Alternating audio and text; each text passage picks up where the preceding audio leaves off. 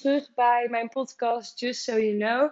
We hebben tot nu toe een aflevering gehad over mijn oma en over mijn moeder. De vorige aflevering was over mijn oma. En nu komt denk ik wel een van de belangrijkste personen momenteel in mijn leven. En dat is mijn zus.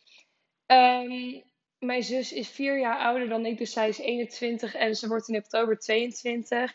En zij zit vanaf 6 maart 2022 zit zij al in Australië. En uh, de tocht daar naartoe en hoe zij dat zelf heeft opgelost, vind ik toch weer bijzonder. Dus daar zou ik wel heel graag wat over willen vertellen. Um, zij is uh, in 2020 is zij van school, in eh, 2019 sorry, is zij van school afgegaan, heeft zij de diploma gekregen. En zij is toen na de vakantie gestart op Universiteit Leiden. Zij is toen begonnen met criminologie en zij was daar in eerste instantie heel erg heel erg enthousiast over. En ze vond, het, ze vond het allemaal maar geweldig. En ze wilde dit ermee doen en dat ermee doen. En het zou haar hele leven vormen. En rond december belde zij mij uh, huilend op en zij zei: Jules, ik, uh, ik kan het niet meer, ik vind het niet meer leuk en ik weet niet wat ik moet doen. En toen heb ik met mijn moeder overlegd en wij hebben toen allebei gezegd: Weet je, als jij het niet wil, kom dan terug als jij er niet blij van wordt op die manier, dan heeft het ook geen zin om daarmee door te gaan. Want ze zou ook niet met haar tentamen slagen. Dus dat zou sowieso in de soep lopen. Dus wij zeiden: kom maar even hierheen, blijf maar een paar weken in Breda en dan zien we wel weer verder. Zij is toen uiteindelijk gestopt met haar studie. En toen was het eigenlijk een soort van: ja, wat ga ik nu doen? Want zij had ook niet echt het idee van: hé, hey, ik wil komende half jaar, want zij is toen in februari gestopt, voor februari en toen dacht ze van ja, ik ga niet tot de zomervakantie alleen maar werken. Want zij had er, ze had er geen zin in. Zeiden wij van nee, dat moet je ook niet doen. En toen is zij een tijdje is zij beland bij HBO verpleegkunde. Want ze wilde eigenlijk al vanaf jongs af aan wilde zij dokter worden. Dus dat was het eerste plan. Um, maar na een bezoekje op Avans met mij, waar ze overigens wel enthousiast over was, maar niet dat ik dacht van hé, hey, dat wil ze doen. Toen heeft ze toch besloten om het dus niet te doen. En een paar weken later, ik denk twee, drie weken later, zei ze aan de, tijdens het avondeten: hey, ik, uh, ik heb wat gezien over Australië. Je kan daar een, uh, een werk- en reisvisum voor aanvragen. En ik denk dat ik dat ga doen. En toen keek mijn moeder en ik elkaar aan. En toen, eigenlijk later, zeiden we pas tegen elkaar: van hey, dit klopt. Dit wilde zij doen, dit hoort bij haar, dit moet ze doen. En toen hebben wij ook volledig achter haar, staan, achter haar gestaan in haar rit daar naartoe. Um, haar persoonlijke reis, daarmee bedoel ik. Um, en zij is toen op. Zij heeft dat in februari heeft dat voorgesteld en vier weken later zat ze op het vliegtuig. En ik weet nog heel erg goed dat zij beneden kwam met haar backpack. En uh, zat helemaal vol. En ze was helemaal van: Oh, kijk hoe groot die is. En toen keek ik haar aan en ik was tegelijk al van, oh my god, je komt niet meer terug.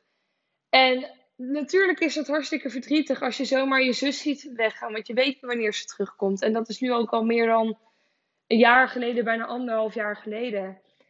En ik zat er zo aan te kijken en toen dacht ik op een gegeven moment van, ja, maar dit gaat niet om mij. Want ik kan haar gewoon spreken. Weet je, tegenwoordig hebben we zulke goede technologie. We kunnen haar gewoon spreken, maar het gaat meer om haar, want zij was hier gewoon niet gelukkig.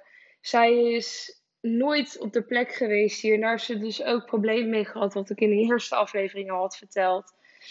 En hier was ze zo enthousiast over dat ik dacht ja, tuurlijk moet je dat doen. Tuurlijk, weet je, als jij hier je geluk uithaalt, dan heb ik er niks aan om te zeggen tegen jou, nee, je moet voor mij blijven.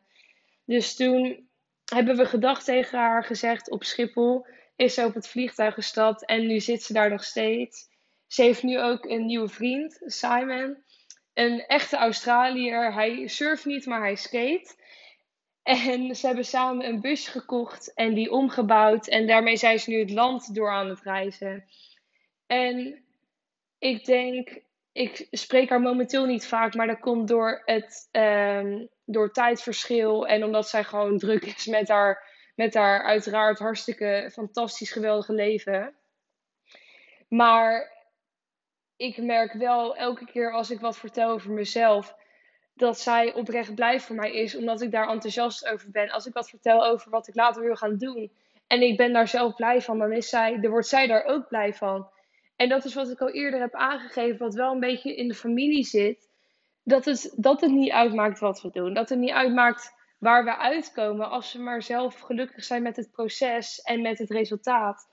En als wij daar, als wij daar maar zelf gelukkig van worden en als wij daar maar blij van worden. Dus ik merk, weet je, zij heeft een geweldig leven in Australië. Maar zij kan nog steeds zo enthousiast zijn over de dingen die ik hier in Nederland meemaak. Als ik zeg, het heeft hier een week gesneeuwd in, uh, wat was het, januari. Dan zegt ze, oh geweldig, wat tof. En heb je toen een sneeuwpop gebouwd? En ik denk dat positieve van haar en het optimistische, dat ik dat af en toe nog wel kan missen. Ik ben zelf meer van in het moment en ik kijk niet zo ver vooruit en denk van, oh, als het op dit moment slecht gaat, dan zal het ooit vast wel weer goed komen, maar ik weet niet wanneer. En dat is best wel pessimistisch, die, uh, die blik op het leven. Maar zij is meer van, uh, geweldig, weet je, moet je doen, alles is goed, alles is optimistisch, alles is positief. En zij heeft ook geen probleem om dat te uiten. En ik denk hoe zij zelf zo de wereld in is gegaan, vind ik echt een van de dapperste dingen die je als mens kunt doen. Want zij is daar alleen heen gevlogen. Ze heeft daar alleen de eerste paar weken gezeten. Totdat zij mensen leerde kennen, totdat zij eigenlijk vrienden had gekregen. En dat is, vind ik, zoiets dappers om als mens te kunnen doen. Om zomaar los te gaan van wat mensen van je verwachten.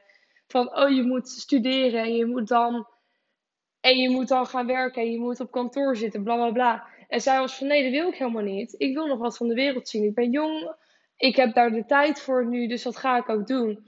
En dat merk ik nu ook bij mezelf, want ik ga dus na mijn school waarschijnlijk studeren in Maastricht.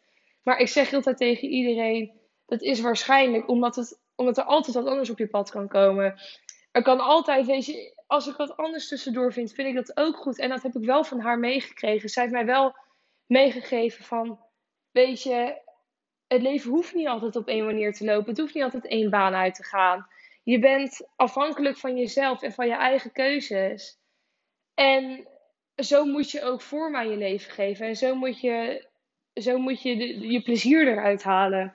En als het anders loopt, als het niet volgens je plan loopt, dan is dat niet erg, want het kan toch altijd goed komen. En dat optimistische, ik denk dat zij daar wel het sterkst in is van al mijn uh, rolmodellen.